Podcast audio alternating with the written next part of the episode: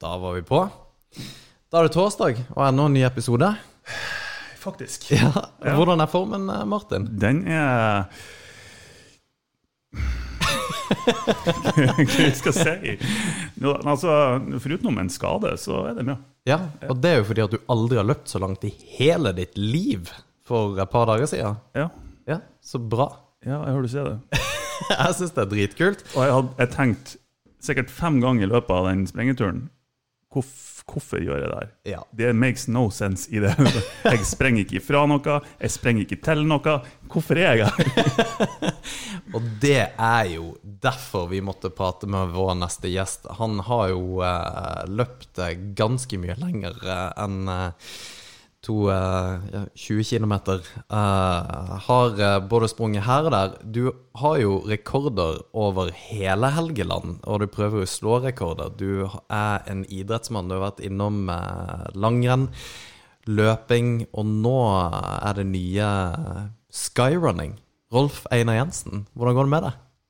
Det går bra. Ja, så bra. Takk for at du gidder å være her. Ja, takk for invitasjonen. Det var overraskende å bli invitert til podkast. Nei, det var Vi har jo Vi var jo innom det før vi begynte episoden her, men vi har jo Vi var jo så dumme at vi fant ut at uh, Ikke vi.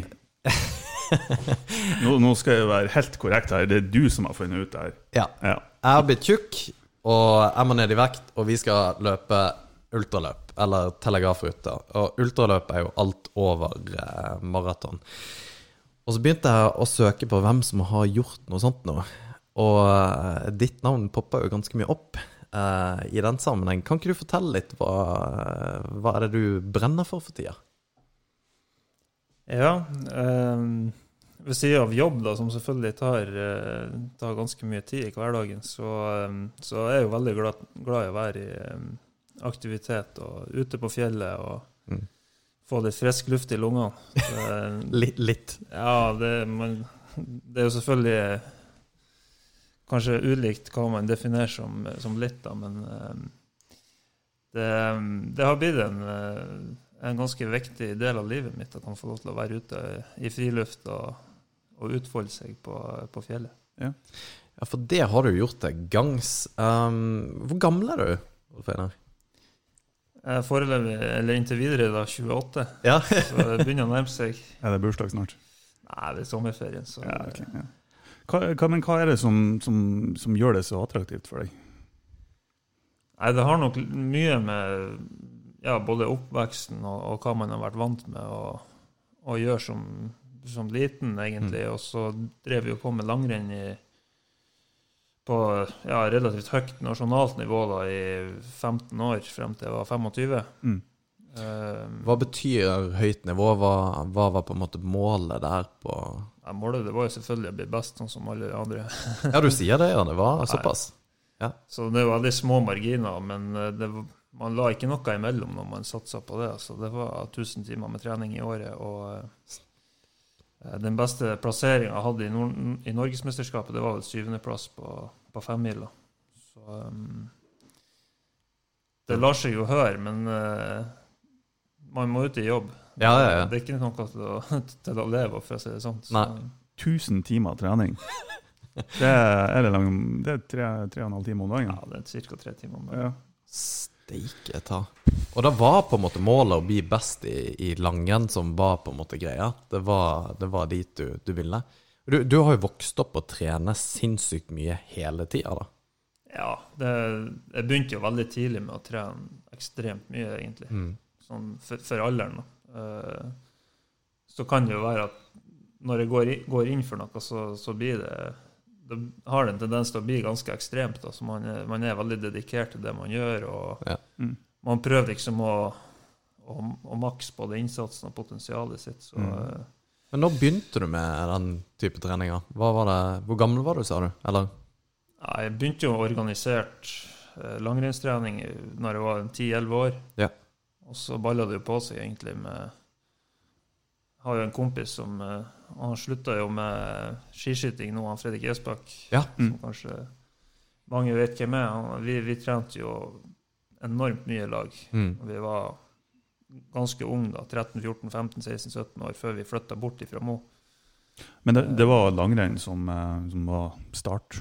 Da var det langrenn, ja. Mm. Um, og, og gjennom langrennstreninga så, så ble man jo introdusert for uh, altså en, en stor del av treninga, i hvert fall sommerhalvåret, det, det besto jo i, i løping i, i skauen og Mm. på fjellet. Så, um, så, så hadde man jo uh, Altså Man merka jo fort at man mestra det, og at man fikk gode resultater når man stilte opp i, i motbakkeløp osv. Så, videre. så um, Så det har nok litt med Litt, litt, litt av årsaken for at man eh, At man steppa han opp et hakk der når at man eh, voksen. Ja. For, for det, det skulle jeg til å spørre om. Trekk mikrofonen litt lenger til deg. Uh, for når, når tid kom det til, til Var det et plutselig punkt der du innså at enten at det her er jeg bare jævlig flink til, eller at det her er noe jeg ønsker å gjøre? Eller har det kommet gradvis utover eh, oppveksten? Akkurat det med løpinga tenkte du på? Ja, eller idrett og generelt. Aktivitet generelt, kan vi kalle det. Nei, Det som har drevet meg eh, som liten, det er jo egentlig at man har at man- så jo fremgang, man ble sterkere og fikk bedre utholdenhet. Resultatene ble bedre og bedre. Så det var jo den største motivasjonsfaktoren når man var små. da. Mm. Pluss at man hadde jo forbilder innenfor eh, samme idrett og, som var veldig inspirerende. Um, Hvem som var forbildet? Nei, jeg, jeg var jo 14-15 år, det var kanskje da Northug ble uh, brøt igjennom, da, så han var jo naturligvis et, stort forbilde. Mm. Men altså, fra man var fem-seks år, så gikk jo skirenn rundt huset hjemme på Alteren uh, alene i mørket med, For, for det, med, i lag med Bjørn Dæhlie og Thomas Alsgaard. Så, så man har jo vært på det kjøret der siden Ja. man var ganske, ganske liten. For, for det, det er det som er det, det Du avdramatiserer det litt, grann, akkurat de der tingene der, men det har vært en fellesnevner for flere av dem vi har intervjua, f.eks. Håkon og Emil, Mm. og, og det drivet der eh, som dem, Jeg føler ikke dem eller du egentlig tenker så mye over det, hvor unormalt det egentlig er. Nei, det er kanskje For folk har ikke det drivet der vanligvis. Ja, for du fikk det veldig tidlig. Det er det jeg biter meg merke til. For du Ja. har hatt et konkurranseinstinkt kjempetidlig. Og så vil man kanskje tenke at det, det går ned, men det gjør vel sannsynligvis ikke det. Det, det går vel egentlig Det er vel konstant der hele tida. Trygg- jeg tror jo at det ligger der. Ja. Det er jo noe man har med seg ifra Jeg vet ikke jeg, eh, om, det er fra fødselen, eller at det man har fått noen drypp når man var liten. Jeg har ikke peiling. Men, eh, men eh, jeg tror jo at etter hvert som man blir eldre og man trigger det mer og mer, og føler mestring og glede med det man gjør, så, så vil det jo bare forsterke seg. Fordi at de, de som ikke kjenner det, og uh, som ikke har hørt om det, da, så er jo uh, Du har jo vært veldig aktiv som skiløper, som du sa. Og så var det et punkt når du var 25, hvor du ville bytte på en måte idrett. Ja, det, det kom egentlig ganske naturlig, for Ja. at uh, Jeg var jo på et eh, regionlag for Nord-Norge, da. Uh, i, som var underlagt Skiforbundet eh, i langrenn, og hadde egentlig god fremgang som skiløper. Eh, så er det jo en kamp eh, det, altså For det første så er det enormt små marginer og mange faktorer som spiller inn på om man lykkes som langrennsløper i Norge. Det er veldig små marginer som avgjør om man er nummer to-tre i en norgescup, eller om at man er nummer 20. Mm. Det er veldig tett i toppen, og det er skismørning, det er at man må være frisk og rask, og en dårlig dag kontra en, en god dag, det kan skille, skille veldig mange plasser. Og, og, og det er en ordentlig tøff kamp for å klare å komme seg opp på et nivå som gjør at uh, når man er ferdig å studere, og Lånekassen eh, takk for seg, og den biten der, så, mm. så skal det jo Altså, man skal jo leve et liv, da. Eh, og betale husleia og den biten der. Mm. Um, så man, jeg kom egentlig til et naturlig punkt i livet da man var ferdig å studere. Eh, siste sesongen min på ski, den var eh, Den var litt eh, sånn stang ut resultatmessig, da. Mm. Så jeg tenkte bare jeg skulle prøve eh, den rekorden over skisøstre. Det var egentlig der det begynte. Å oh ja, sier du det, ja? Ja, løpinga den begynte jo med, med det. Så, så du, du begynte en ny idrett med å slå en ganske gammel rekord over Sju søstre. Ja, jeg bestemte meg jo på våren da, for um, etter skisesongen at faen, jeg må ha et, uh, et mål i sommer Ja. å se frem imot. Så hadde jeg De to månedene det er sommer. ja, det var ikke like ille som i år, da, så det ble jo sommer ganske, litt, litt tidligere. Ja. Men um, nei, så jeg måtte jo ha et mål å trene imot uh, altså på vei mot neste skisesong. da. Mm. Og, um, og da tenkte jeg at Sydsøstre, det skal jeg prøve. Pluss at det kom en, uh, en, en verdenscup i skyrunning til uh, Tromsø. Som jeg, jeg bodde i Tromsø da, så tenkte jeg ok, de, de to de skal jeg få gjennomført i år. Mm. Um, og den, den i Tromsø det var faktisk eh, et par uker før jeg sprang Syv søstre. Så det begynte egentlig med Tromsø, men målet hadde hele tida vært Syv søstre fra april. av. Og så gikk det veldig bra i Tromsø, så jeg ble nummer tre på den der verdenscupen. På verdenscupen i Tromsø ble du nummer tre. Og det var en sånn her Jeg må, jeg må ha en tren treningstur. Opp, oppvarming. ja. Ja, det var, det var, jeg ble kjempeoverraska. Jeg hadde ikke peiling på hva jeg gikk til. Nei. Verken, altså det var det, det minner om noe. Ja. Nei, fordi at Ja, vi kan jo komme innom det når eh, Martin og jeg er på der. Og det er jo ikke meningen å avbryte Nei, nei. Uh, men det jeg, jeg blir jo positivt. Jeg tenker jo Du hadde jo to måneder til å trene deg opp til dette, som var ganske sykt. Du skulle slå rekorder. Vi skal jo egentlig bare springe jævlig langt. Han har trent siden han var ti år. Har, Ja, ja. har du fulgt med på samtalen? Men allikevel, det, det gikk jo på, på bare at du Utgangspunktet hans sitt var jo Altså, treningsmessig er jo selvfølgelig Men han, han gjorde jo noe mye større enn det vi skal gjøre. Vi skal jo bare løpe langt. Men eh, nok om det. Vi kommer inn på det litt seinere. Men eh, for folk som ikke vet hva skyrunning er, hva er det? Ja, jeg, må, jeg måtte prøve å forberede meg litt til den samtalen. da. Ja. Jeg fant ut en og en halv time før jeg skulle hit at det var det vi skulle prate om. um, men um, skyrunning, det er jo at du sprenger Altså, det, det er jo fjelløping på norsk, da. Ja. Og så er det um, kanskje litt høyere opp enn tregrensa, da. At du er, du er på Snøfjellet oppe i Steinura og, Mm. og sprenger ganske bratte fjellsider med steinur og krevende terreng. Ja, for det er jo det som er poenget, at du, du løper ikke Oslo Maraton, men du løper på en måte opp i fjellene. Det er jo egentlig det. Um, for jeg, jeg prøvde å finne litt ut av hva det var for noe også. Og du, du har tre disipliner. Du har vertikalt med å bare løpe rett opp, og så har du uh, distance, sky distance eller et eller annet, som er på en måte alt fra halvmaraton til helmaraton oppe i fjellene, og så har du da sky ultra. Og det er jo da alt over maraton. Og det virker jo Det er jo en helt sinnssyk sport, fordi at du, du løper jo i Altså, det, det er jo ikke stiløping. Du løper i ulendt terreng hele tida. Ja, det, i hvert fall de, de tøffeste løpene, sånn som det der i Tromsø, det, det er kanskje et av de tøffeste i, i den kategorien ultra. da. Sier du det, ja? Hvor langt? Ja, Kombinasjonen av lengden og uh, at det stort sett utafor sti. Det går i, i steinura. Ja. Ganske store deler av traseen. da. Så um, kombinasjonen der, det den uh, gjør det til et av de tøffeste løpene. Så har du selvfølgelig noen som er 120 km lang og, og veldig tøff på den måten, men den kombinasjonen den er, det er i hvert fall sagt at det er et av de tøffeste løpene i, i det sirkuset der. Hvor langt var det i Tromsø? Det ca. 60 km.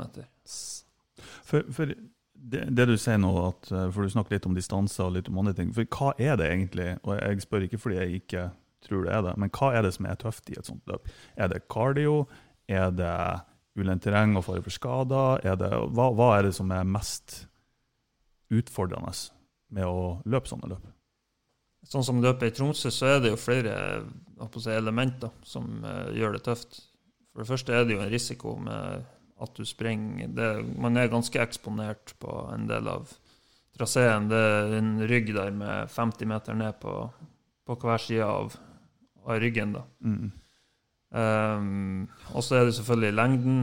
Det er veldig sugende terreng. Det er steinur, det kan være lyng og myr. og man må Kjempebratt i perioder. Det er nedoverbakker som er ekstremt bratt i teknisk terreng. Så, så um, det ene er jo risikoen da, for at man kan dette og, og slå seg, og så er det jo um, den her utholdenheten og og, og lengden på det som stiller ekstreme krav til utholdenhet. Altså. Mm. Men når, når du sier utholdenhet, er det da ren cardio, eller er det å holde ut med en sånn kontinuerlig smerte i muskler? Og, for jeg, jeg skiller litt på de to tingene. Jeg. Mm. jeg vet ikke om det er rett å gjøre eller ikke, men Jo. jeg tenker cardio-problemer det får jeg når jeg sprenger 100-meteren så fort jeg kan. Mens hvis jeg skal sprenge langt og sakte, så er det helt andre utfordringer. Jo, det, det som egentlig altså gjengs for en ultra, da, som foregår over lang tid, så er jo ikke intensiteten så veldig høy, Mm. nødvendigvis. Sånn pulsmessig så er man ikke på maks i, i syv timer. Det går ikke. Mm. Men når du begynner å bikke altså en viss lengde på, på eh, å si, løpet, så, så vil du jo Altså Musklene vil jo si ifra på et tidspunkt at uh, nå må jeg ha litt mer næring. Uh, man begynner, kjenner kanskje at det napper litt i, i leggene, det er krampe på gang, og, og sånne der ting. da. Uh, og mm, da kommer man jo inn på det som Altså høvet, da. Man må Mm. være ganske streng med seg sjøl for å klare å holde oppe trykket når at uh, kroppen begynner å svikte. Ja, for det, for det er det som er For fysisk så sier jo egentlig kroppen stopp, men du tvinger den til å kjøre videre. Ja. ja. Egentlig. Så du gjør egentlig alt det som vi er skapt for å ikke gjøre. ja, det krever jo litt sjøldisiplin å klare å, å pine seg sjøl til, til å gjennomføre. Mm. Det som er så bra med de her løpene, der, det er at man er jo langt ute i gokk, så man har ikke noe valg. Det var noe trøst, men Genialt poeng. Ja, du, du, må løpe uansett. på en måte Du kan ikke bare sette deg ned og tenke at nei, nei, det, det her går bra. Men eh, fordi at du var jo Nå husker jeg ikke hvilket løp det her var, men du fikk jo krampe i, etter, et, etter to timer inn i et løp. Og så visste du at det var fem timer igjen av det løpet. Det var i Tromsø. Det var det løpet i Tromsø, ja. Hva, Var det det her løpet du kom nummer tre på? Nei, det var ett år etterpå, eller to år etterpå. Så ble det nummer fem da, tror jeg. Ok, Men det var samme løpet? Og, og hva, hva Fordi at når jeg, når jeg løper ja, for jeg, jeg, jeg er så fascinert over akkurat det der, den biten, da. Fordi at um, Og det er litt av grunnen til at jeg har lyst til å prøve ultraløp, er fordi at jeg er så hellig overbevist om at det mentale har så ekstremt mye mer å si, og har veldig mye å si. Uh, når det gjelder løpinga, eller idrett, egentlig idrett generelt, og vi har jo vært inne på dette mange ganger, men meg og Martin holder på med uh, med uh, kampsport og har gjort det i mange år. Og det mentale aspektet der er ganske stort òg. Man skulle ikke tro det, men det er ekstremt stort der også i forhold til hvilket mindset du er i, og hvordan du på en måte går inn i ting. Og du kan være godt trent og, og på en måte greie det, men når det gjelder, så på en måte Hvis hjernen bare kobler av, så har du ikke sjans, på en måte. Og det tenker jeg litt, og, og nå, nå har jo vi begynt å trene til det her løpet her, og vi har ikke sprunget langt i det hele tatt, men det er av og til jeg har løpt og så har tenkt at satan, det gjør vondt i eh, Sånn som jeg fikk innsida av kneet her forleden. Og det, og det var så vondt. Det var sånn, sånn knivsmerter sånn, Det kjentes ut som noen stakk meg, og da tenkte jeg nei, faen, det er noe galt med kneet. Men så tenkte jeg nei, fuck it, må, du må liksom bare ete det og bare løpe, fordi at det der kommer vi til å kjenne når vi Eller når man da løper langt. Akkurat sånn som du sa, du fikk krampe, og så visste du nå er fem timer igjen. Og det er ikke det at du da fortsetter for å gjennomføre, men du kommer nummer fem. Hva, hva er det som går gjennom hodet ditt når du får krampe, og så tenker du drit i det? Nei, jeg tenker jo at uh, sannsynligheten for at konkurrentene opplever det samme, er ganske stor. Mm. Um, de man stiller til start til dem, de er jo heldigvis bare mennesker. Så um, sjøl om enkelte kan virke til å være noen maskiner, så er det um, og, og det kommer nok nok til å oppleve på, et, på telegrafruta, da, som er Det er jo et langt løp, men det går jo et snilt terreng, så snittfarta kommer jo til å være eh, relativt høy i forhold til hva den ville ha vært over Syv Søster, f.eks. Nei, det kommer den ikke til å være. Um, men dere vil nok oppleve at eh, altså, om kroppen sier fra etter to timer, så kan det hende at dere føler dere mye freshere etter fire timer. Mm. Så det handler bare om å holde en kontinuitet i og, og, og at man er i jevn bevegelse. Ja. Eh, og så vil man ha opp- og nedturer i løpet av en såpass lang tur. Så Hva- når du hører at, at eh, jeg har lyst til å si vi, men det er ikke vi. Det er du som har bestemt at vi skal gjøre det her. Uh, uten, uh, uten trening i forkant, og vi er ikke vant med å sprenge i det hele tatt, og i hvert fall ikke i terreng, sjøl om det er et fint terreng. Uh, hva, hva, tenk, hva tenker du om det? Kan du snakke fornuftig Alex, og si at det her er ikke noe poeng å gjøre? Nei, jeg syns det er en god idé. Faen, altså! Helvete! Det var det eneste målet jeg hadde her. Det var å få, få noen advarsler eller et eller annet. Ja, veldig, veldig bra. Ja, ja. Ja, for hvorfor Altså, for de, de aller fleste, eller de aller fleste, er det mange som Alle mener jo et eller annet om når man skal gjøre ting, så mener veldig mange folk om det du, man skal gjøre. Uansett hva det er for noe. Og det er jo litt herlig å treffe noen som bare sier at nei, det der, det der får du til. Du må bare kjøre på. Er du enig i at det har mye å si? Det mentale har veldig mye å si? Ja, det har vel egentlig det meste å si i, i, i Eller det meste, det blir jo kanskje feil å si, men det har mye å si i det meste man gjør, Ja. tror jeg. Både når det kommer til sånne her ting, men også ja, altså det er jo elementer man kan trekke inn i, i hverdagslivet og i arbeidslivet og, og egentlig overalt. Man møter jo på altså Det handler jo om at altså vi er jo vanedyr, og vi trives i komfortsonen og hele den regla der. Mhm. Hvis man aldri setter seg et mål som er litt eh, Kanskje litt urealistisk, i hvert fall litt tøft å nå, så, så vil man jo ikke føle verken mestring eller utvikle seg på, noe, på noen områder som, man, som man egentlig ikke er så veldig komfortabel med. Alex han har det dritbra inni seg nå.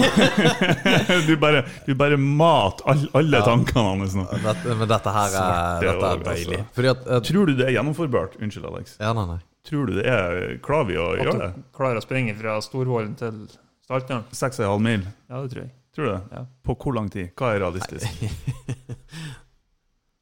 Nei, du spør godt. Hva dere sprenger en tier på? Eh, Ganske nøyaktig en time, men da, da går det sakte, altså. En tier, det er jo en mil på en time. Det går jo ikke sakte.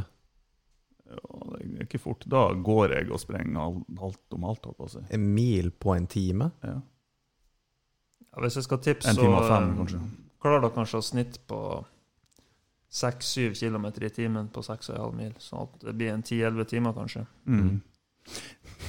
Jo, men det, det tror jeg òg. Det, Det er et halvt døgn! ja, ja. Det, blir, det blir deilig. Men hva, når du sier at du på en måte bruker det mentale um, i alle aspekter, har du lært mye av de utfordringene du har hatt gjennom løpinga i dagliglivet? Altså i jobbsammenheng eller privat, eller Altså, vi trenger ikke gå inn på Ja. spesifikke greier, men altså, har du, har du brukt det?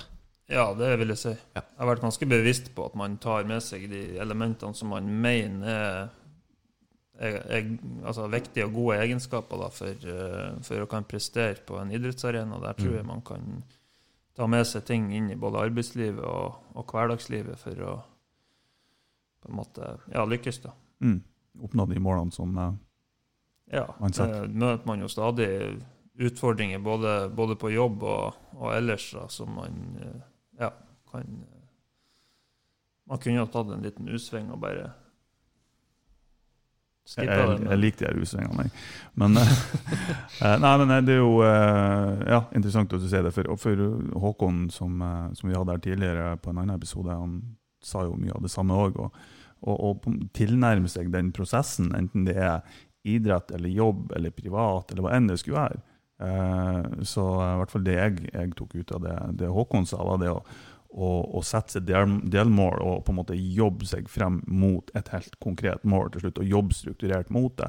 Uh, uansett hvilken arena det er på. Uh, og det, det tror jeg altså, Jo flere folk som sier det, som vi, vi hører, jo, jo mer uh, substans tror jeg det er i det òg. Altså. Mm. Det å, å, um, å ha en plan for egentlig alt det man gjør. Det betyr ikke at man ikke skal ha det artig, men å jobbe strukturert mot målene sine, det, det tror jeg er kjempeviktig for folk. Altså. Jeg tror det med å ha en, eh, en plan på gjennomføring, det er egentlig oppskrifta på å lykkes. Mm. Mm. Og så tror jeg òg at det er viktig å ha realistiske mål, og der er jo vi litt uenige i hva som er realistisk eller ikke. ja, jeg vet ikke. Men uh, vi får jo se da om uh, Jeg, jeg, to har en, jeg har en litt sånn syk tanke på akkurat det der. Fordi at um, jeg ser um, Jeg så noen som var overvektige som løp. ganske svær. Og så, og så tenker jeg at den personen, hvis den liksom sier at du kan gjøre ditt, datt og tjohei altså Du kan ta det her som et eksempel. Du kan løpe Du, du kan ha rekorden over de syv søstre.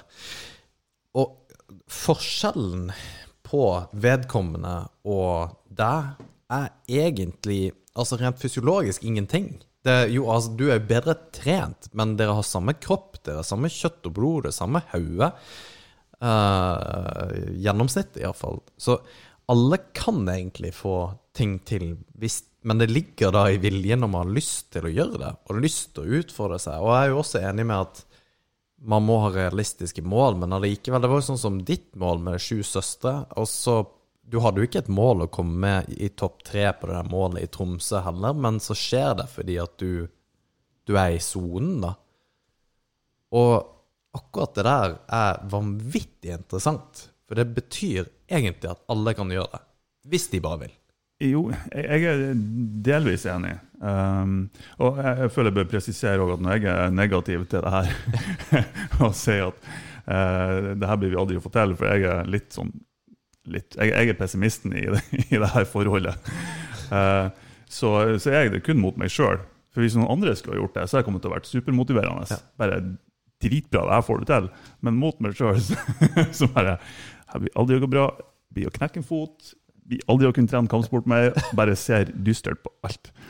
Uh, men uansett, det du nevnte om, uh, om f.eks. overvektige, så jeg er enig om at til syvende og sist så kan alle gjøre det. Men jeg tror det kan kreve mye, mye mer, ikke bare fysisk, men psykisk og mentalt, av, av, noen som er på en måte skjea litt av. Ja. Eh, eller havna på feil spor, eller hva enn det skulle være. Det trenger ikke å være overvekt, det kan være hva som helst annet òg. Eh, jeg tror det kan potensielt kreve mye, mye mer av en sånn person eh, mentalt for å ta steget om å prøve. Det tror jeg. det er jo dørstokkmila, eller det kreves nok mer for å komme seg over kneika for en person som aldri har gjort noe, enn en person som har gjort noe litt flere ganger. Ja, jeg tror òg at en, en, sånn person har sannsynligvis veldig veldig sjeldent eh, prøvd på sånne mål, fordi motivasjonen fra andre har kanskje ikke vært der. Og det blir egentlig en ond sirkel. Eh, derfor tør ikke personen å prøve noe nytt senere i livet, og får heller ikke motivasjon fra andre. Og får liksom ikke kjenne på den her gleden, da. Eh, enten det er å oppnå noe i arbeidslivet eller fysisk, eller hva enn det skulle være. Eh, og når man da er på en måte i den gropa der, så tror jeg det kan være jævlig vanskelig å komme seg ut av den. altså. Nå gikk jeg litt sånn psykologi her. litt ut av samtalen, men uh, Nei, jeg, jeg, jeg syns du er inne på noe. fordi det, det, er jo sånn som vi har prata om før dette, var jo at jeg hadde lyst til å grave litt i det mentale, og hva som får deg til å klikke, hvorfor du gjør det. og um, du har jo helt klart et vanvittig uh, konkurranseinstinkt. For når du prater om når, du, når vi kommer til å prate om det løpet vi er på, så kommer vi til å prate om de andre som løper der, de andre. Du prater om de som konkurrentene dine. Og det gjør du fordi at du har alltid vært i en konkurransesituasjon fra du var liten av, ikke sant? Og, og, jeg er ikke uenig i det du sier, Martin, overhodet, fordi at det, er, det, det, krever mye. Men så er jeg også veldig sånn at det er jo Selv om det krever jævlig mye å sette den ene foten fremfor den andre, så kan du i prinsippet gjøre det. Det er jeg Det er bare hodet, liksom. Mm. Det er mulig. Det er ikke noen unnskyldning, Nei. men det kan være en årsak. Ja. ja. Og så tenker jeg da, for, for nå har vi stått og jabba litt om akkurat det um, når, du, når du, da Du hadde et klart mål om å ha rekorden over de sju søstre. Det var liksom Rekorden var Du eia den. Det var ikke 'jeg skal springe like fort som han som hadde den før', men 'jeg skal knuse rekorden'. Kan du fortelle litt om den tankeprosessen, og hva du gikk gjennom der? Ja, Nå begynner det å bli noen år siden, så akkurat sånn detaljert hva jeg tenkte, er jo vanskelig å huske. Men uh, sånn generelt da, så er man jo skrudd i hop, sånn at man vil jo helst ikke dele uh, førsteplassen med noen. Nei. Uh, men jeg tror at rekorden i seg sjøl, selv, selvfølgelig, det er kult og, og, alt det der, men det som egentlig var vel så, så givende, da, Eh, nå er det jo selvfølgelig rekord man husker i dag, og som man prater om, og alt det der, men det er jo på en måte reisen imot å komme seg dit. Både månedene i forveien, men også uka i forveien. Så vi har jo hytta ute på, mot Kjøtta der. Jeg satt alene der i, i ei uke i strekk og var på fjellene hver dag og, og liksom gikk gjennom deler av løypa og noterte ned hvor lang tid bruker man fra den toppen og ned til bunnen der for at man skal liksom være i i, eh, i, i rute til å slå rekorden. da. Mm. Eh, Så jeg syns jo å, kan se tilbake på, på alle de der elementene der som var en del av reisen imot, uh, mot hovedmålet, da, det, det syns jeg er, er vel så på en måte Givende. givende for, Ja. for meg personlig Ja. som rekorden. Så det er veien dit, og ikke nødvendigvis målet som på en måte Det er veien til målet som har vært like viktig, da. Ja. Ja. Og det går egentlig igjen i mye av det man gjør. Altså, det er jo altså, som Egentlig om- det som eh, idrettsutøver, at eh, man ser frem mot en konkurranse, ja, det er det som er hovedmålet. Men hvis du ikke eh, trives på reisen imot målet, som egentlig er 95% av, av jobben, så, så er sjansen for å lykkes ganske mye mindre, tror jeg. Så det er veldig viktig at nå de to neste månedene så skal dere kose dere på trening og pushe dere og, og ta steg, sant? og så blir det jo desserten når dere skal springe over Saltfjellet og, og komme i mål på Saltdalssenteret eller hvor det er, og Ja, ja. spise en softis og, og nyte. Og grine. Men det, det, ja, fordi at det syns jeg er jo jæklig kult, da, at man på en måte hva, hva, er, hva er neste målet ditt? Hva er det du eh, trener for nå? Ja, det er det samme som dere. Ja, ja telegrafruta, ja. ja du, men du skal vinne, da? Ja, altså Målet og det kommer jo an på hvem som stiller til start. Ja. ja. Me- Meg og Alex. Da har jeg som mål om å vinne. ja. Men, Eller eh, springe runder rundt oss, ja. Men, ja, nei, eh, det er som, man, man har jo aldri noen garanti, for plutselig så kommer det en, eh, en eh, Ja, nå kommer det sikkert ingen spreke utlendinger, for landegrensen er jo stengt. Men Mm. eh, ja. det kan jo plutselig dukke opp noe som er på et skikkelig høyt nivå, og som er bedre enn meg til akkurat det der. Um, men målet er jo at man skal For det første må man jo føle at kroppen fungerer hele løpet. Det er egentlig det som er, er, er det viktigste for meg. Og så vet jeg at hvis det skjer, så havner man jo relativt høyt opp på lista. Så. Men hva er det, det neste målet det er relativt kort, ikke sant? Men har du Og det høres ut som du må også ha mål, og det kjenner jeg meg litt igjen i. At man på en måte Man kan ikke bare løpe for å løpe, eller trene for å trene. Man må på en måte ha et mål om å gjøre noe med treninga. Ja. Det, jeg er nok veldig fæl, kanskje litt for fæl til å sette meg mål om at man skal gjøre ditt, skal gjøre datt. Både på den der arenaen og på andre arenaer. Så Hvorfor det? Hvorfor er du fæl? Nei, det er fordi at det er da man føler man får gjort noe. Ja, men hvorfor er det ille? I mine øyne er det ikke ille. Nei. Nei. Men, eh, altså fæl i den forstand Ja, man, ja, er- man er uh, veldig opptatt av å sette seg mål innenfor ulike Om det er å male huset, eller om det er å Mm. Få gjort så og så mye på jobb, eller trene så og så mye, eller altså det er innenfor alle områder, da. Så det kan jo gå litt til høve på, Mm. på en. For det er jo sånn at nå har jo vi bestemt oss for å gjøre det her. Dessverre. Mm. Uh, og, og jeg er jo Forskjellen med meg er at jeg er treg. Jeg, det, jeg er treg å starte. Eh, nå tenker jeg ikke på sprenging, men nå tenker jeg på å få meg med på ting. Men når jeg først har bestemt meg for å gjøre det, så, så går jeg for det. Og nå, nå har vi bestemt oss, så det, det, den er grei. Jeg jeg måte jeg er innforstått med den. Men eh, hvordan kan du anbefale oss noen mål å ha frem til selve løpet? Er det noe, eller er det bare å sprenge? Nei, altså For ifølge Alex er det bare ja, dere må bare sprenge litt. det viktigste det er jo eh, Altså, det krever jo en viss uh, fysisk kapasitet for å komme seg gjennom det løpet der, for det er jo langt og tøft, og du er på, midt på Saltfjellet, og du, som sagt tidligere, så kan du ikke bare hoppe i en bil der på, på krukke og, og kjøre hjem, for det er nærmeste bilvei, det, det er på målstreken. Mm. Så man må til mål. Um, og det krever en, en viss fysisk kapasitet for å, å klare å gjennomføre det. Eh, så tror jeg at det viktigste frem mot den dagen løpet skal gå, det er jo at man klarer å ha en kontinuitet i treningshverdagen. Ikke nødvendigvis å sprenge en halvmaraton hver dag, for da blir man sannsynligvis skada hvis man ikke er vant med å sprenge så mye. Men at man har en kontinuitet, kanskje varierer litt treningsformer. Og så kan man jo sette seg de her delmålene underveis. Da. Det kan jo være at man uh, skal utforske uh, Helgeland så, så, langt det lar seg gjøre. Da. Det er jo snø langt ned i fjellene ennå. Men uh, at man setter seg noen Ja, jeg skal på Høknestind, jeg skal på uh, Rabothytta, jeg skal på i denne forberedelsesprosessen, sånn at mm. man får brukt den til å kanskje oppleve det området man bor i. og, og ja, er det viktig for deg å oppleve, oppleve Helgeland? For jeg ser jo, når vi ser litt på, på måte, det du har gjort, så, så, er det jo veldig, veldig hard på dette her med Du slår jo rekorder overalt, på en måte. Du, det, er lett, det er jo ikke rekord overalt. Nei, nei. Plukk de fjellene det ikke er rekord på. Så. Jo, jo, men også, også er det måten du på en måte gjør det på. At det er herifra liksom, fra Havmannen opp til Okstind, og så, så er det De sju søstre. og så, og det virker som at du kanskje liker litt denne prosessen med å finne utfordringer her òg. Ja. ja. Og det er, er, det mange utfordringer rundt omkring her? Ja, det er jo bare å bruke kreativiteten, så finner man jo ja. Det er jo Holder du på å trene til noe nå, foruten ultra? Er det kun det målet du har, eller eh, er det flere ting? I sommer så er det den som blir hoved, hovedmålet. Da. Ja. For jeg, jeg snek litt på den Strava-kontoen din, skjønner du. Mm.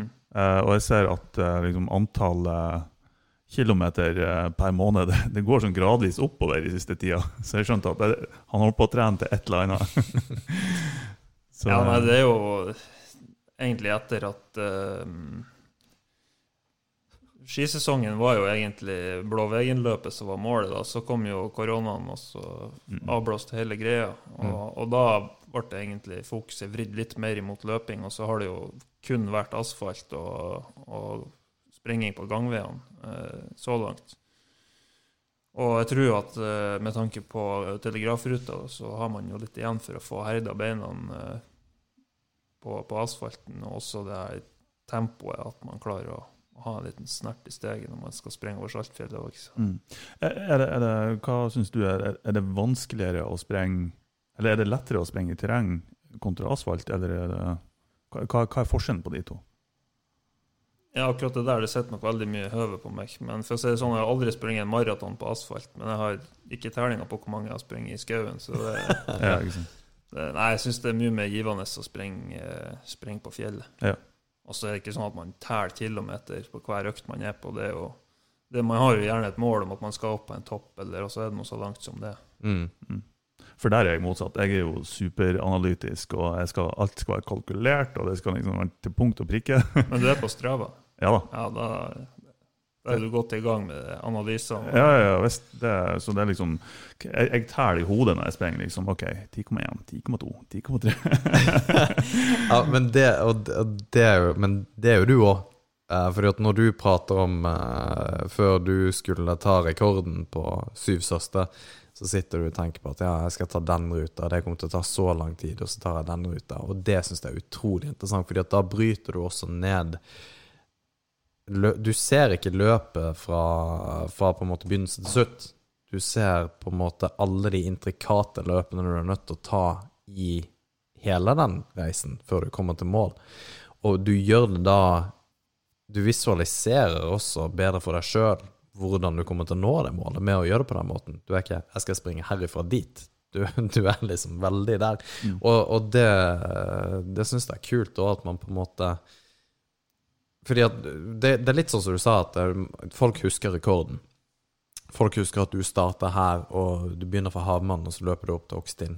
Men du har jo gjort deg opp litt tanker på hvordan du skal gjøre det. Men for, for, å gå helt til skyrunning igjen, for det syns jeg er superinteressant. Jeg visste ikke at det var noe som het det før jeg på en måte fant navnet ditt. da. Hva er på en måte the holy grail of skyrunning? Hva er liksom Fordi at du har jo vært i Italia og sprunget. Hvor er på en måte, hvor er drømmen å kunne løpe, da?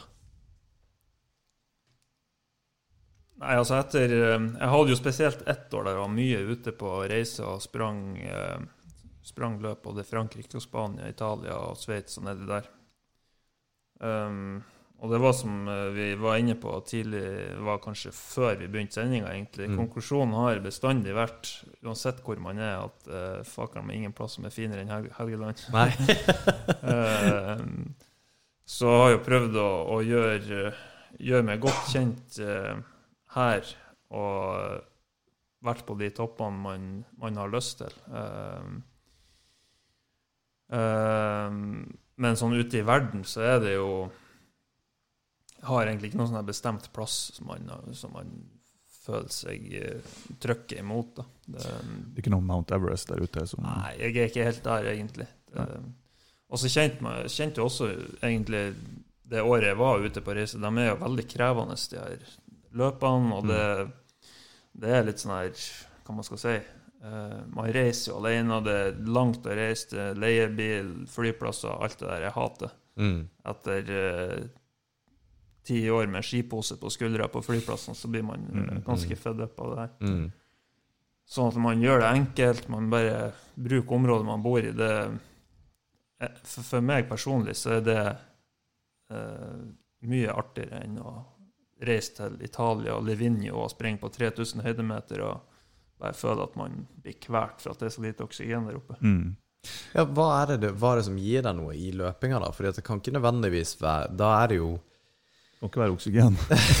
Nei, for det, det, da er det ikke på en måte rammene rundt hvor farlig det er, eller hvor langt det nødvendigvis er. Det er på en måte Handler det mer om omgivelsene og hvordan det er å løpe der? At du på en måte får opplevd naturen litt mer, eller? Ja. Ja. Etter at jeg slutta på ski og begynte begynt, og liksom ble peila litt mer inn på denne skyrunninga, så mm, var det jo mye konkurranser de første to årene, egentlig. Eh, men så, så når man begynner å vokse, man får et litt annet perspektiv på ting. Man setter mer pris på uh, området man bor i, omgivelser man bor i. Mm. Det, altså, kommer deg opp på, på strandtind ute i Aldersundet og ser solnedgangen gå, ut, i- gå ned i havet og trene lovhund og Hestmann og, alt det der. Um, de der øyeblikkene der, er egentlig dem som sitter uh, brent på netthinna. Ja, riktig. Og så er det jo å kjenne at kroppen responderer, og at man klarer å gasse på opp gjennom bakken. Mm. og det, Akkurat den, den kjenner ikke jeg på 3000 høydemeter. Nei. Jeg, jeg kjenner den ikke på null høydemeter engang. Men eh, eh, nei, for eh, Litt artig at du sier det du sier nå, for eh, jeg har jo sjekka litt på det har sikkert Alex også, på eh, diverse forum, sånn ultramaratonforum, bare for å prøve å få så mye tips som mulig. Eh, alt ifra hvordan utstyr er bra, altså hvordan sko hvordan, altså Det er mye å tenke på, egentlig. Um, jeg fant ut at den ryggsekken som jeg kjøpte, den kan jeg ikke bruke, for den gnager i nakken. Da, så jeg måtte sprenge med teip rundt nakken sist. Og bare, det er masse sånne tullting, og det er, på, det er en halvmaraton på 20 km, og vi skal sprenge 65. Det er sånne ting som, som en vanlig person som aldri har sprunget for, jeg har jo ikke peiling. Um, men de sa òg at ja, det er mulig at du klarer å gjennomføre det her og fullføre det. Eh, du kommer sannsynligvis ikke til å ha det så fryktelig artig. eh, men det som blir å hjelpe dere, det er å se på det som en opplevelsestur. Altså dra inn naturen, liksom. For det er det som kommer til å drive dere videre. Og mm. eh, det tror jeg kommer til å bli jævlig viktig for meg. Eh, for hvis jeg skal begynne å telle hver 100 meter, sånn som jeg gjør nå, så tror jeg det kan bli jævlig langt for meg. Det er mange hundremetere. Det er veldig mange hundremetere. så, så det er en ting som eh, jeg skal prøve å fokusere på nå på treninga. Det er på en måte å gjøre det til en, en, en, gjøre det til en tur, og ikke nødvendigvis nå skal jeg sprenge så og så mange hundre meter. Eh, men eh, det, det kommer til å bli jævlig, jævlig spennende. Mm. Men du, du har jo Vi var jo inne på det fordi at Helgeland er jo eh, som tilflytter, så jeg syns det også er vanvittig flott der. Um, og jeg sa det jo òg før vi begynte, og jeg har sagt det før. Nå er det Håkon innom at uh, jeg mener jo at uh, Helgeland kan være verdens beste opplevelsesdestinasjon. Altså, Uansett hva det gjelder, egentlig. For det er så ekstremt mye å gjøre her oppe. Om det er grottedykking, eller om det er kajakking eller springing, eller hva det er for noe. Du er jo en helgelandspatriot, da, hører jeg. Um, du kunne ikke tenkt deg å satt opp ditt eget løp her, da? Ja, altså Det kunne man jo Vi har jo for så vidt det. Ikke ja. et så spektakulært løp som man kanskje kunne ha laga eh, på Helgeland. Um, men vi har jo et idrettslag som heter Okskolten Nil, Mm. utrolig nok. da. Mm. Eh, Og dem har jeg, sett, jeg har sett det på Strava, ja. mm, ja. Det stifta vi jo for eh, Det blir vel en to-tre år siden nå. Vi var en kompisgjeng som uh, fant ut at vi måtte jo ha et eget idrettslag. Det, Ja, For det er et formelt idrettslag? ja, det er registrert. Ja, ikke sant? Jeg trodde bare det var et sånn artig navn. Så ja, dere, Det, det kan vi representere når vi sprenger telegrafruta og, og alt, egentlig. Um, så vi har jo et løp som går opp til Gråtneshytta her på Mo. Eh, Ja. Fra Fageråsen. Første gang vi arrangerte, var jo vel å merke i fjor, da. Eh, det var veldig bra med deltakelse. 250 stykk, tror jeg, med familier og, og, og deltakere og alt det der. Um, men vi har jo snakka om uh, Syv søstre, løp over Syv søstre, uh, Okstinna rundt. Så, så man har jo mange muligheter. Men eh, man må ha noen drivkrefter som, som, som samarbeid for å få til noe sånt. her. Det krever jo ganske mye. Jeg, jeg syns jo det er helt rått han eh, Magnar som eh, har dratt i gang eh, telegrafruta. Mm. Jeg vet egentlig ikke hvem det er for noen, men uh...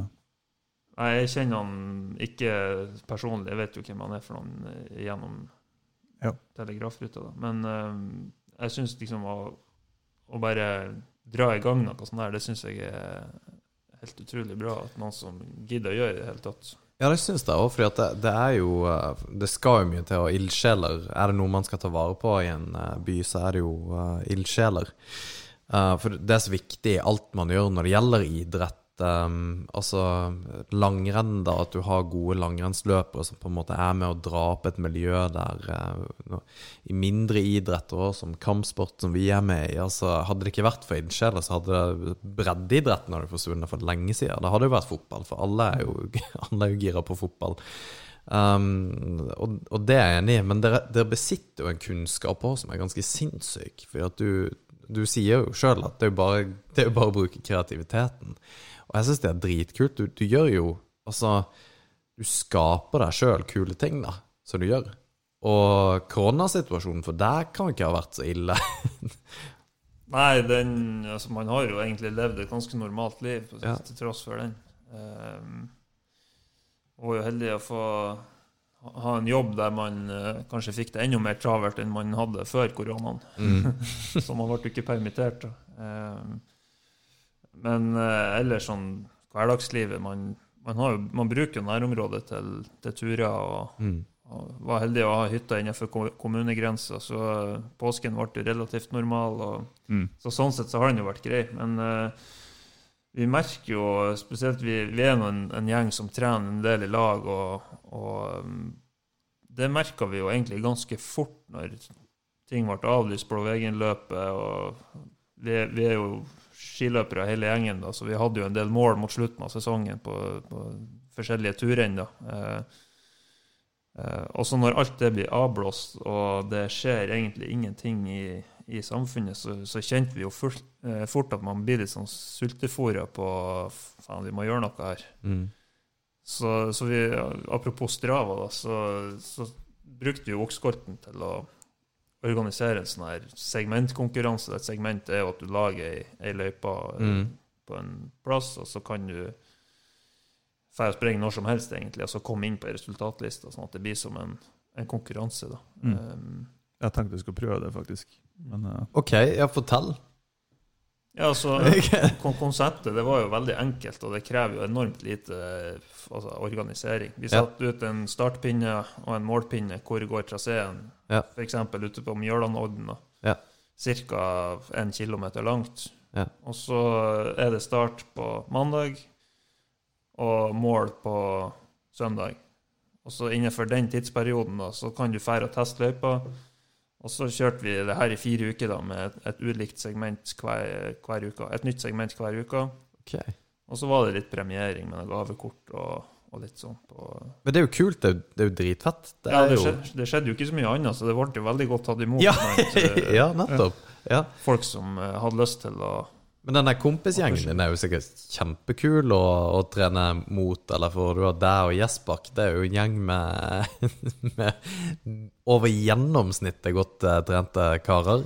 Ja, altså I Okskolten så har vi jo eh, altså Okskolten IL, Ja. som er det egentlig treningsmiljøet som vi eh, som vi Der vi trener i lag, da. Mm. Der er det jo Målet med idrettslaget er at det skal være lav terskel for Mm. å kan være med.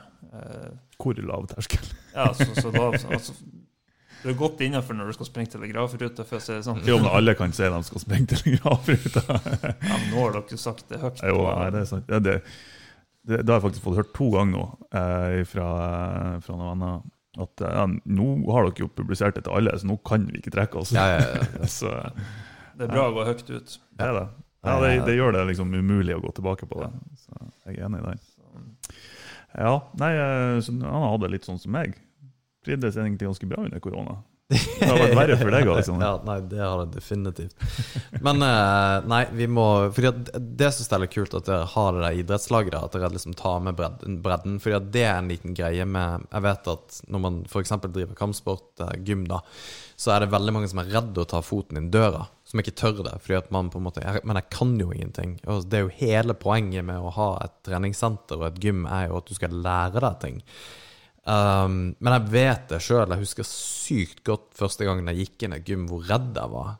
Og, ja, ikke sant? Eh, og det tenker jeg også når dere har det der idrettslaget som poenget er at det skal være lav terskel. Jeg mener jo at det, det har ikke noe å si hvor godt trent du er, bare du vil. Og det, det har virkelig ingenting å si. Du, altså bare, bare du har lyst til å sette en fot foran den andre og, og faktisk prøve, så er det så sinnssykt stor respekt av det. At du faktisk gjør det, at du kommer deg ut av sofaen. Det vanskelige er å ta på seg treningsklær. Jeg har jo et treningsrom hjemme i huset, men det å, det å ta seg fra Netflix ned på treningsrommet Jeg har ingenting å si at det tar meg 20 steg, eller at det er 2 km eller 20 km å komme seg til treningsrommet. Det er det å gjøre det som er problemet. Ja. Og det digger jeg. Og jeg, jeg, jeg, har- nå skal jeg være med på det der eh, idrettslaget. Det Definitivt. Ja, det der er, ja, det er kult, altså. Det mener jeg. Og så- håper jeg dere gjør litt med uh, For dere, dere besitter altså så mye kompetanse rundt om hva man egentlig kan bruke området på, da, og hvordan man kan bruke området. Det, det, det, det er mye i byen her av folk som syns det er ekstremt kult å bruke naturen. Og så håper vi at man greier liksom å få med folk på det, da. Og få dette her til å på en måte gå litt utover kommunegrensene.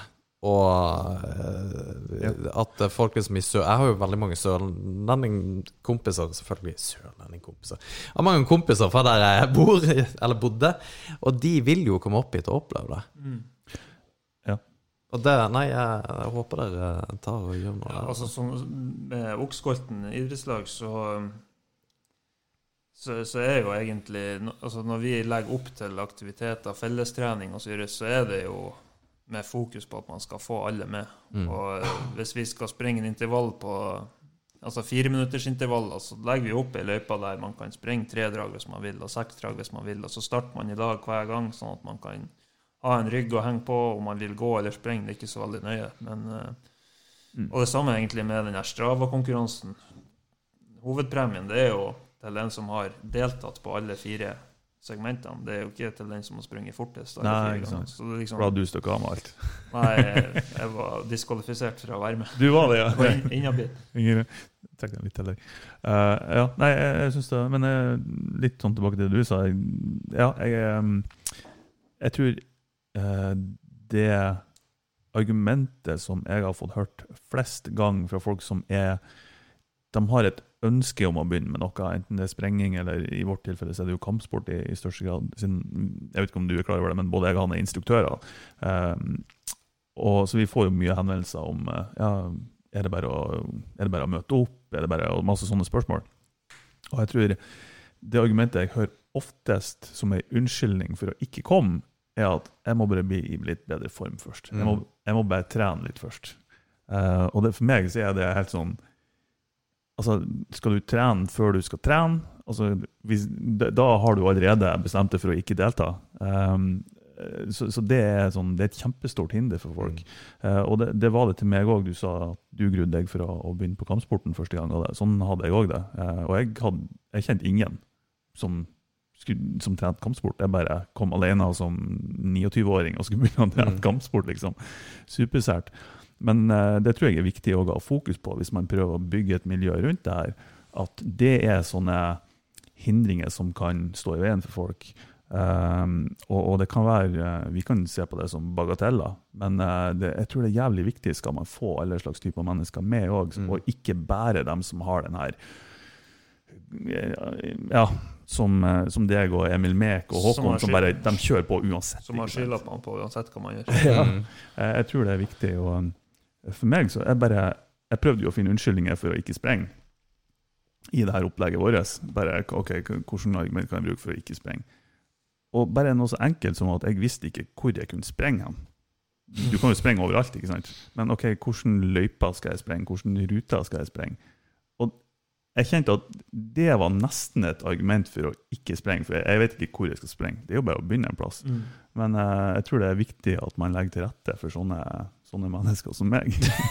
Ja, jeg tror at uh, det der å skal møte opp på ei fellestrening og trene i lag med noen, kanskje uten at man har trent før Mm. alene altså Man har ikke peiling på hverken hvor man sjøl står, eller hvor nivået er. Altså, jeg skjønner jo at folk er skeptiske til det, Mm. men eh, i hvert fall når vi har fellestrening, så er det altså, Det viktigste det er jo at man er der, at man gjør så godt man kan. Og så går det fortere neste gang. Mm. Hvis at man er, er misfornøyd med tempoet, så er det en god start, i hvert fall. Men eh, ja, fordi at det lurte jeg på. eh, Hvordan er det på en måte da For du, du tar imot folk, da. Altså du, du Idrettslaget deres tar imot folk som kan på en måte være med og, og springe, eller hva det nå skal være for noe. Men hva er det du sy- Syns du det er gøy når nye folk kommer og, og er med? Ja, det syns jeg er kjempeartig. Ja, ja. Og uansett om de er dårlig trent, da? Ja, altså, det er jo det, vi, vi bruker å arrangere ei fellestrening i uka ca. Mm. Eh, spesielt på, på høsten, sånn, når skolen er starta og folk er kommet tilbake fra sommerferie, så, så bruker vi å kjøre sånn motbakkeintervall oppe i Selforslia. Ja. Og eh, altså når, når Det som gjør det ekstra trivelig, det er jo at man prater med folk Mm. og, på oppvarminga, og når man går ned fra linken der, så, så kan man rusle ned og, og prate med folk. Om det er folk man ikke har pratet med før, så er det jo helt nydelig at man kan, kan bruke den arenaen til å bli, bli, bli kjent med nye folk. Og, ja. Mm. Hvor, hvor mange er dere i idrettslaget? Vi er vel eh, kanskje mellom 50 og 60 registrerte medlemmer. Ja. Såpass, ja. Ja. Ok. Og så er det jo noen som er mer aktive enn andre. Da. Jo, jo. Det, det kjenner vi til. Og så Mm. er det jo eh, De her fellestreningene, de er jo veldig uformelle, og sånt, men det er jo noen som altså Vi er jo noen få som eh, organiserer dem, da. Mm. Planlegger litt og, og tar litt styringa på, Mm. på selve gjennomføringa. Du skal ikke springe Sju søstre i sommer, da? Jeg skal nok springe der, ja. Men Ja. eh, det blir nok ikke noen ny rekord. Det blir, tror jeg ikke. Men hva var rekorden? 3 timer og 43 minutter. 3 timer og 43 Herregud, jeg tror jeg gikk opp Men, Det er- var det din rekord, eller var det den gamle rekorden? Ja, det er min rekord. Din rekord. Og den gamle, hva var den på? Det var vel 3.58, tror jeg. Ok. 3 timer og 58 minutter. Steike ta, altså. Det, det er så Men- vilt. Og, og den ble 70, var ikke det sånn 100 år siden eller noe? Ja, nesten 30 år siden, i hvert fall. Ja, ok. Ja, 30-100. Same, same shit. 30 år siden. Steike ta. Men altså, hva Herregud, men hvordan gikk det? Altså, gikk det greit? Var, var det noen plasser hvor du tenkte at dette her er ikke moro?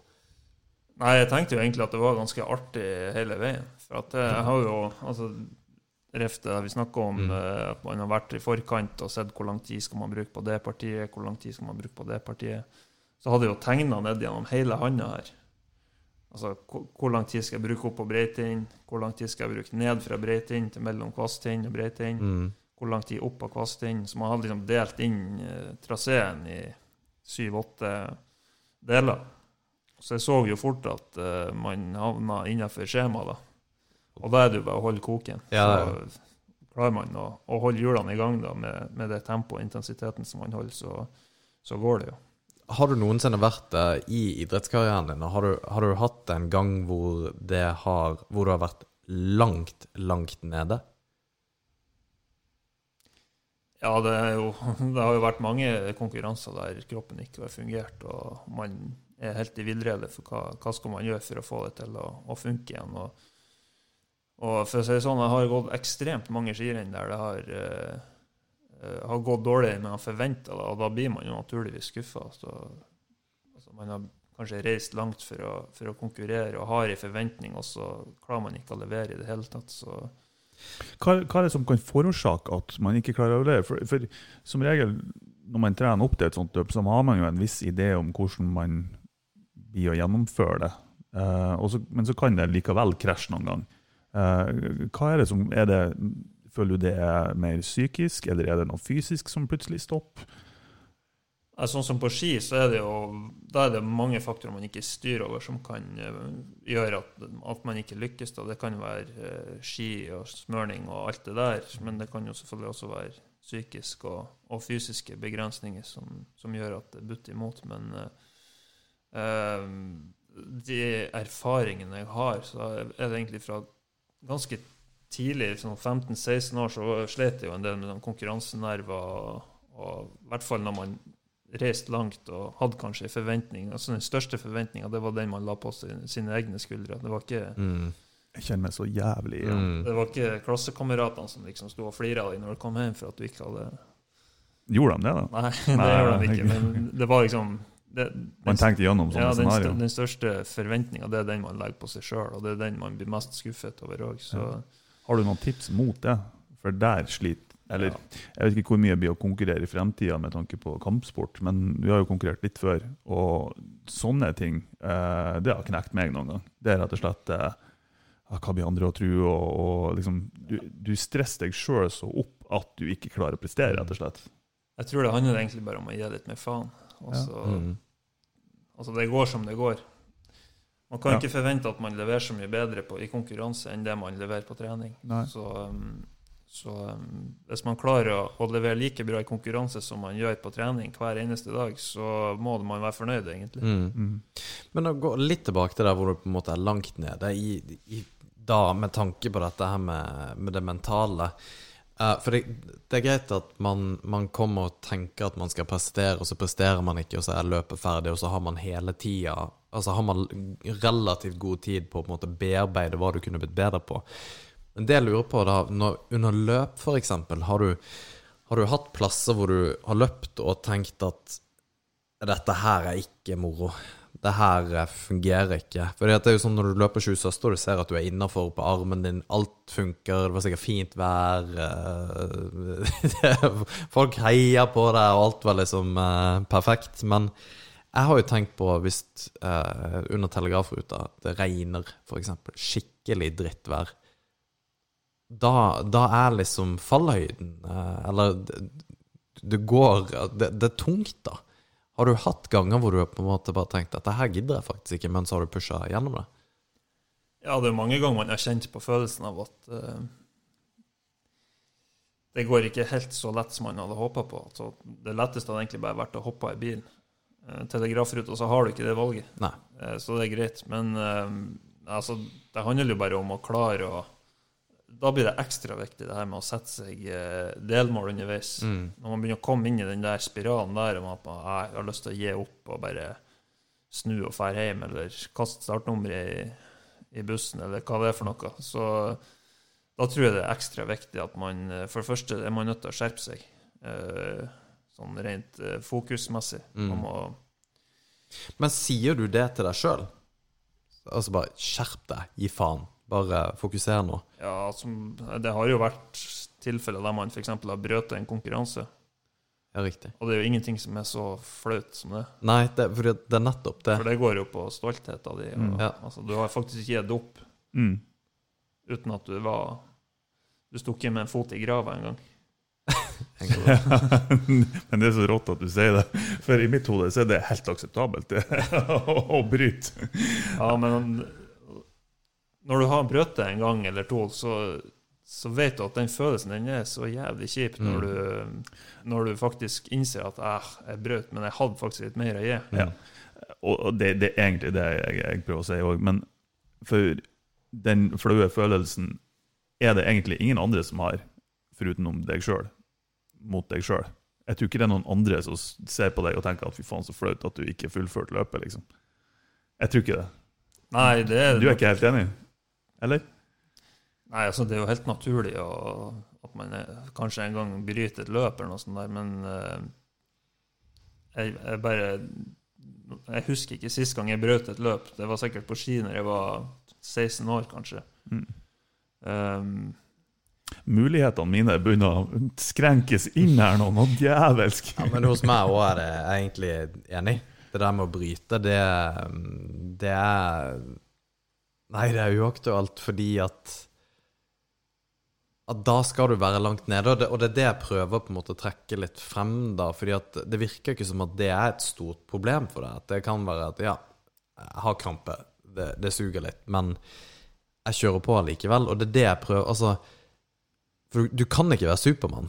Eller kanskje, men altså, du må jo ha hatt ganger hvor løp hvor du har tenkt at vet du hva, dette her det er, det er ikke fett. Nei, det er mange ganger at, at kroppen ikke fungerer sånn som man, Ja. som, som man har håpa. Spesielt du kan du ta et eksempel nede i Italia, i Livigno. Det ligger jo veldig høyt over havet, og man er ikke vant med å konkurrere på den høyden. Og så skal man sprenge et løp der imot 100 andre italienere som er født 2000 meter over havet. Mm.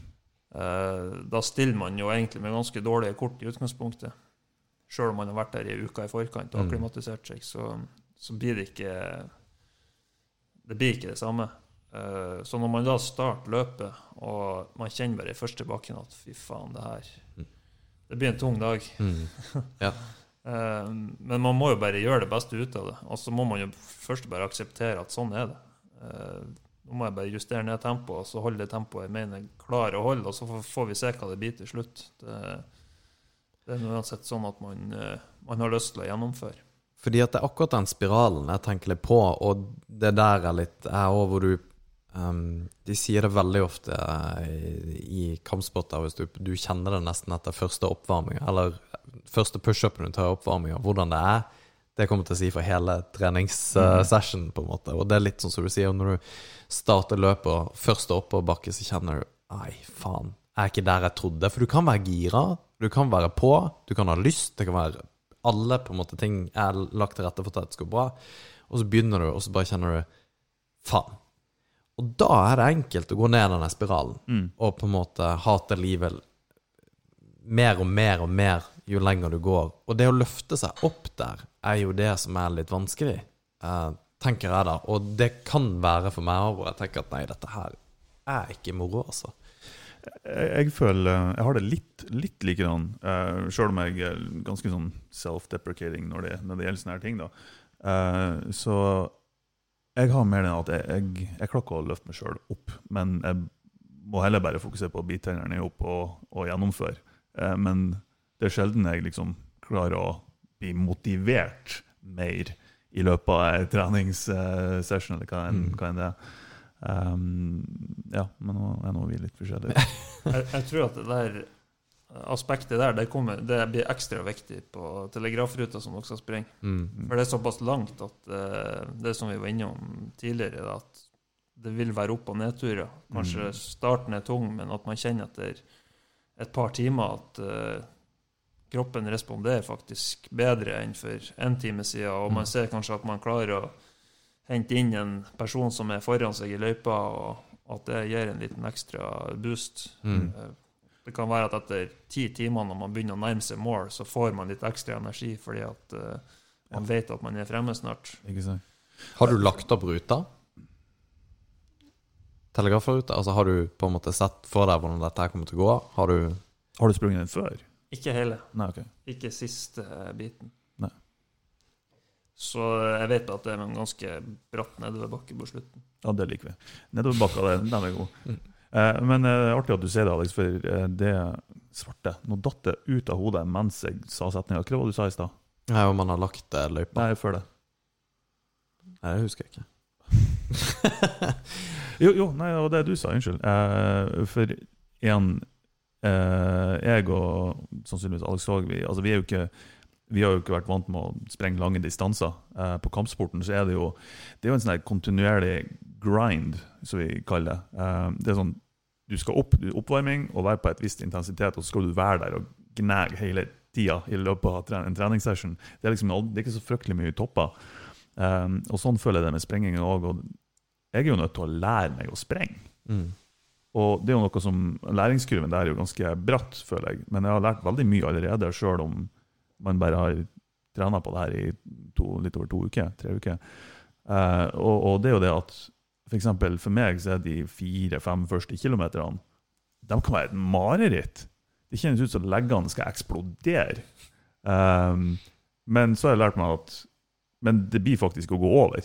Det er ikke sånn at det blir ekspon eksponentielt verre jo lengre jeg løper. Det går faktisk opp, og så går det litt ned igjen. Og så kan det være ganske komfortabelt å sprenge en stund.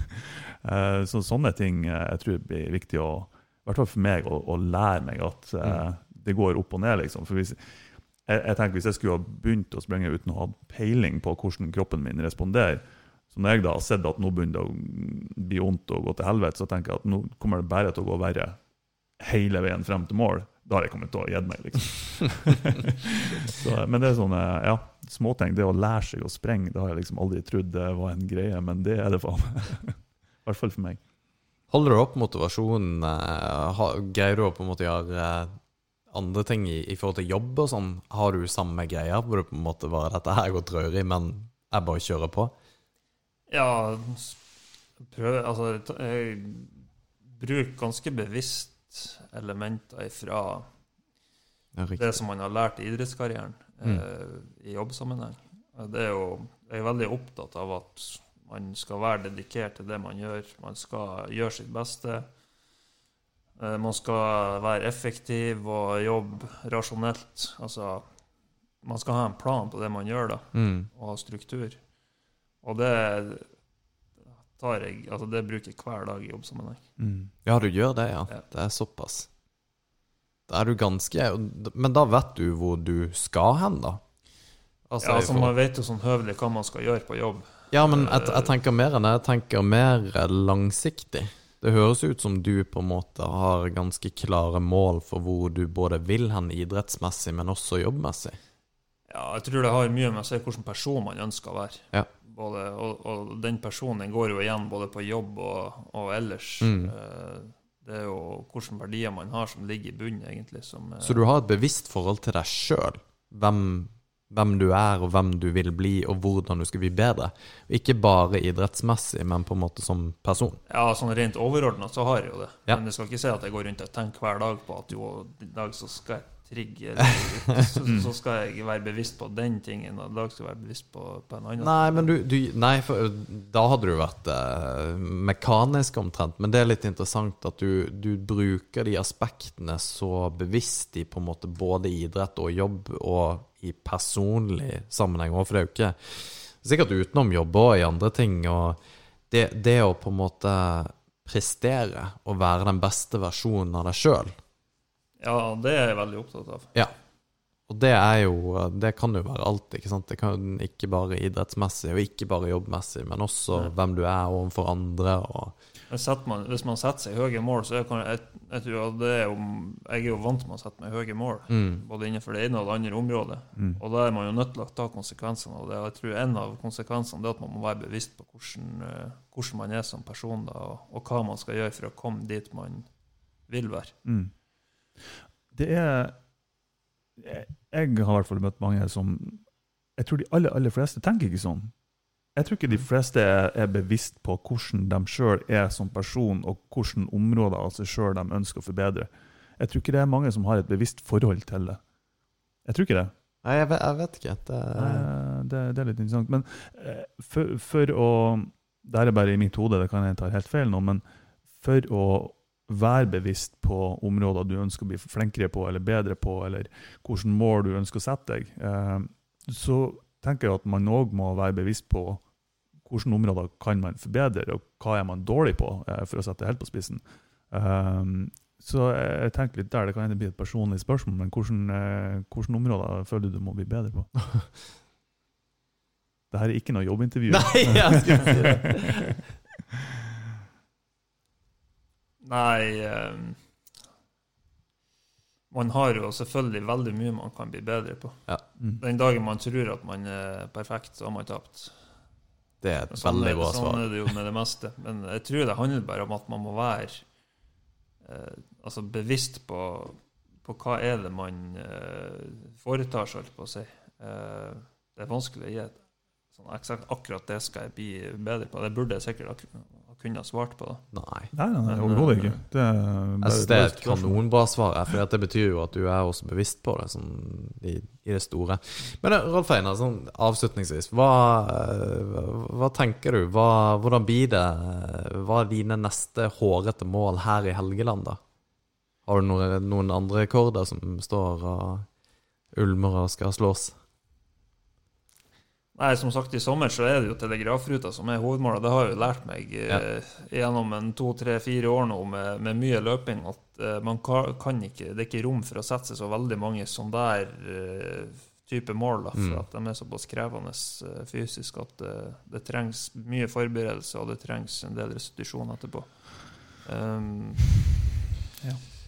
Men, men jeg har jo en liten plan om å sprenge så fort som mulig opp og ned Røddeløva, bare som en liten, Å ja. liten greie. da. Um, ellers jeg har, jeg har ikke lagt noen planer egentlig på Jeg, jeg så en liten greie, jeg vet ikke om du kanskje har gjort det allerede, men det var å Hva det var eh, Sprenge opp og ned alle toppene i Rana som er over 1000 meter, eller noe sånt. Ja, det har jeg gjort. Det har du gjort allerede. Det er kanskje det Jeg håper å si Jeg, gjorde det i lag med en kompis som heter Kristoffer Rundhaug. Mm. Og eh, det året der, det var Det er kanskje det mest innholdsrike i, i hele mitt liv. Oh, ja. uh, mye på grunn av den, eh, det prosjektet der. da, Det gikk ut på at vi skulle gå Vi skulle innom alle toppene i Rana kommune som er over 1000 meter, Mhm. i løpet av ett år. Og hvor mange er det? Det var 100 stykk. Er det 100? jeg trodde det var sånn her syv. Nei, det, det var et ganske drøyt prosjekt, så man måtte jo være Det måtte prioriteres ganske steinhardt. eh, At når det var vær og føre for det, så var, da var det fjelltur som gjaldt. Ja, 100 stykker i løpet av ett år. Det er jo én hver tredje dag. Ja, jeg begynte å tenke på det. Og du, hadde du jobb da? Ja. Da må dere jo ta sånn fire i, fire i helgen, liksom. ja, det var jo turer der vi tok eh, ti topper på en tur. Så det, Jesus ja, det der det kunne vi jo prata lenge om. Det, det er ganske mange drøye turer. Og, og, eh, Ja, vi har masse tid, så Men, eh, sånn rent generelt, altså, var det, det var et eh, ekstremt innholdsrikt år. Det, um, hva, hva er den drøyeste? Du kan, du kan den fortelle. drøyeste turen. Ja. Uh, toppene i seg sjøl er egentlig ikke så drøye. De er ikke så eksponert. Eller, altså, du trenger ikke å klatre opp på dem. eller noe sånt. Det som er mest utfordrende, det er at det er jævlig langt å gå inn til dem. Sånn som toppene som ligger midt inne på Svartisen, eller ja, midt inne i Saltfjellet, eller Ja. eh, langs svenskegrensa innerst i Kalvatnet, f.eks. Det er veldig langt inn dit. Så det er det som er den største utfordringa. Eh, men den tøffeste turen, det er nok den siste eh, vi tok. Det var 7. desember. Jeg tror det var seks eller syv topper på den turen. Og da starta vi i Beiarn, og så gikk vi til Røvassdalen. Altså langs Stormdalen, for dem som er lokalkjent, så vet de hvor Stormdalen er. Så det er fjellrekka som går langs Stormdalen. Og vi kom ned Blakkadalen, som kanskje er den verste plassen i Rana kommune. eh, for det er bare flåg og gaupland, og det er skikkelig vanskelig å komme seg, komme seg frem, da. Og så var det jo 7. desember, så det vil si at det var fire timer med dagslys. Og vi brukte 18 timer på den turen. Så den var jo krevende på mange måter. Med hodelykt og 20 minus og så, så det var den desidert tøffeste turen, egentlig. Og så hadde vi også mange andre turer som var veldig lange og krevende, men Mm. da var jo eh, Været var jo veldig bra, da. Så sjøl om at det var en lang tur i relativt krevende terreng, så, så var det oppholdsvær og, og stort sett dagslys. Men den siste der, den, den satt langt inne, og så begynte det å nærme seg nyttårsaften, og da måtte vi være ferdig, så det var bare å hive seg rundt. Fy Faen, altså. Og når, når tid var det denne turen, sa du? Når på året? 7. desember. 7. desember, ja. Ja, da har man ikke så veldig mange forsøk på å gjennomføre den. Nei. Nei, Du- den, Ja. det var greit at det ikke Det var greit at det gikk bra, for å si det sånn. Men det må jo ha vært et sinnssykt fett mål å ta. Altså, Er det noe for 100 topper? Du, for du sprang ikke, da var det bare å komme på toppen? Ja, det var, var ikke fokus på fart, nei. Nei. Så, men vi gjorde det i lag, jeg også, Rundøy, da. Mm. Uh, og uh, jeg må si altså Man får et spesielt forhold da, når man opplever så mye i lag. Ja, ja. Og uh, man knytter et veldig nært vennskap. da. Og å ha en kompis og, og gjøre noe sånt i lag med, det, det gjør det jo dobbelt så artig som at man skulle gjort det alene. Og, Ja. Klart det. og ført og sosa rundt der. Så, så Det- Nei, det var et ganske heftig prosjekt. Ja, det skjønner jeg godt. Det er jo noe vi opplever med kampsporten òg, de tette båndene som man får med, med dem man trener i lag med. Eh, trening. Jeg vet ikke helt om jeg ser på det som trening lenger. Det, det er et Å, samhold. det gjør jeg. ja, okay. Samhold og miljø. Jo da, selvfølgelig, det er trening. Men um, man får jævlig tette bånd, ja. Det, Mm. Når man holder på med sånne ting. Ja, idretten er jo en fin arena for å, for å knytte tette bånd. Absolutt. Man er jo i lag med folk som har samme interesser og Mm. er på, på samme planet, holdt på å si. Så Ja. om man er litt sær eller eh, litt ekstrem, så, så møter man jo likesinnede. Det er Ja. jo Man lærer jævlig mye uh, om andre. Uh, det, nå kan jeg snakke for kampsporten, da, men uh, du lærer jævlig fort uh, hvilken type person det her er når du begynner å skal slåss med han. for å si det sånn. Så, eh, Så jeg kan løpe opp fjellet. Ja. Du, um, Rolf Einar, jeg vil ha to tips frem til ultraløpet i august. hvordan, eh, hvordan to tips kan du gi meg, Alex, for å, enten for å, om det er for å unngå skader, eller om det er bare for å gjennomføre generelt sett? Hva, hva har du å gi oss? Eh, hvis jeg skal gi to tips, de to viktigste tingene det er jo eh, fysikk, og så er det jo psyke. da. Mm. Mm. Og for fysikken så må det bli at man klarer å holde en kontinuitet i treningshverdagen. Ja. Eh, med fokus på utholdenhet. da. Mm. Eh, og da tror jeg det er viktig at man eh, ikke nødvendigvis sprenger hver dag, da er det fort å bli skada, men at man eh, holder oppe klarer å holde oppe trykket med, med litt variasjon. Om det er kanskje en dag at man sykler litt, eller eh, hva det er for noe. Også at man varierer plassene man drar på, Mm. og underlag. Ja. Altså terreng. Mm. Eh, også når det kommer til den psykiske biten, så er det jo kanskje å, å få seg en tur før løpet som er en bra lengde på. Mm. Sånn at man vet litt den der følelsen. Hva er det man går til? Da blir det nok lettere når man, eh, når man eh, står i det i, i 1. august da, på, Mm. på Saltfjellet og, og kjenner kanskje at krampen napper litt. og Man vet at det går bra. Det går over etter hvert. Mm. Man dør ikke, Nei. forhåpentligvis. Og jeg, jeg, jeg digger at du sier at det, du har ikke noe valg. Fordi at du kan liksom Du skal jo til veien. Det er dit du skal, så det er liksom Det var ikke jeg klar over. Jeg fikk en liten sånn når du sa det, så bare Ja, og det er jo stasjoner og hele pakka. Det der kommer til å gå krute godt. Rolf Einar, tusen tusen takk for at du kom innom og fortalte oss eh, historien. Det, det, og om noe så er jeg bare mer sikker på at vi greier dette her eh, opplegget vårt. Og jeg gleder meg til at vi skal springe sammen. Det blir jæklig kult. Og jeg gleder meg til å se hvordan du gjør det der oppe, og, og følge med. Det blir Det blir artig å følge med dere òg. Ja. jeg jeg tror vi skal Jeg tror ikke vi skal se springe sammen, for vi blir ikke å være i nærheten. Nei, men altså Men jeg, skjønner, Ja. jeg skjønner vi, poenget. vi er i nærheten en annen plass. Seks- Jeg seks- skal, fem jeg skal søke dere opp på Strava. Skal jeg følge med at jobben blir gjort? Ja. God damn. All right, da har vi gjort det. Takk skal du ha. Tusen hjertelig takk for at du kom. Vi kom. snakkes.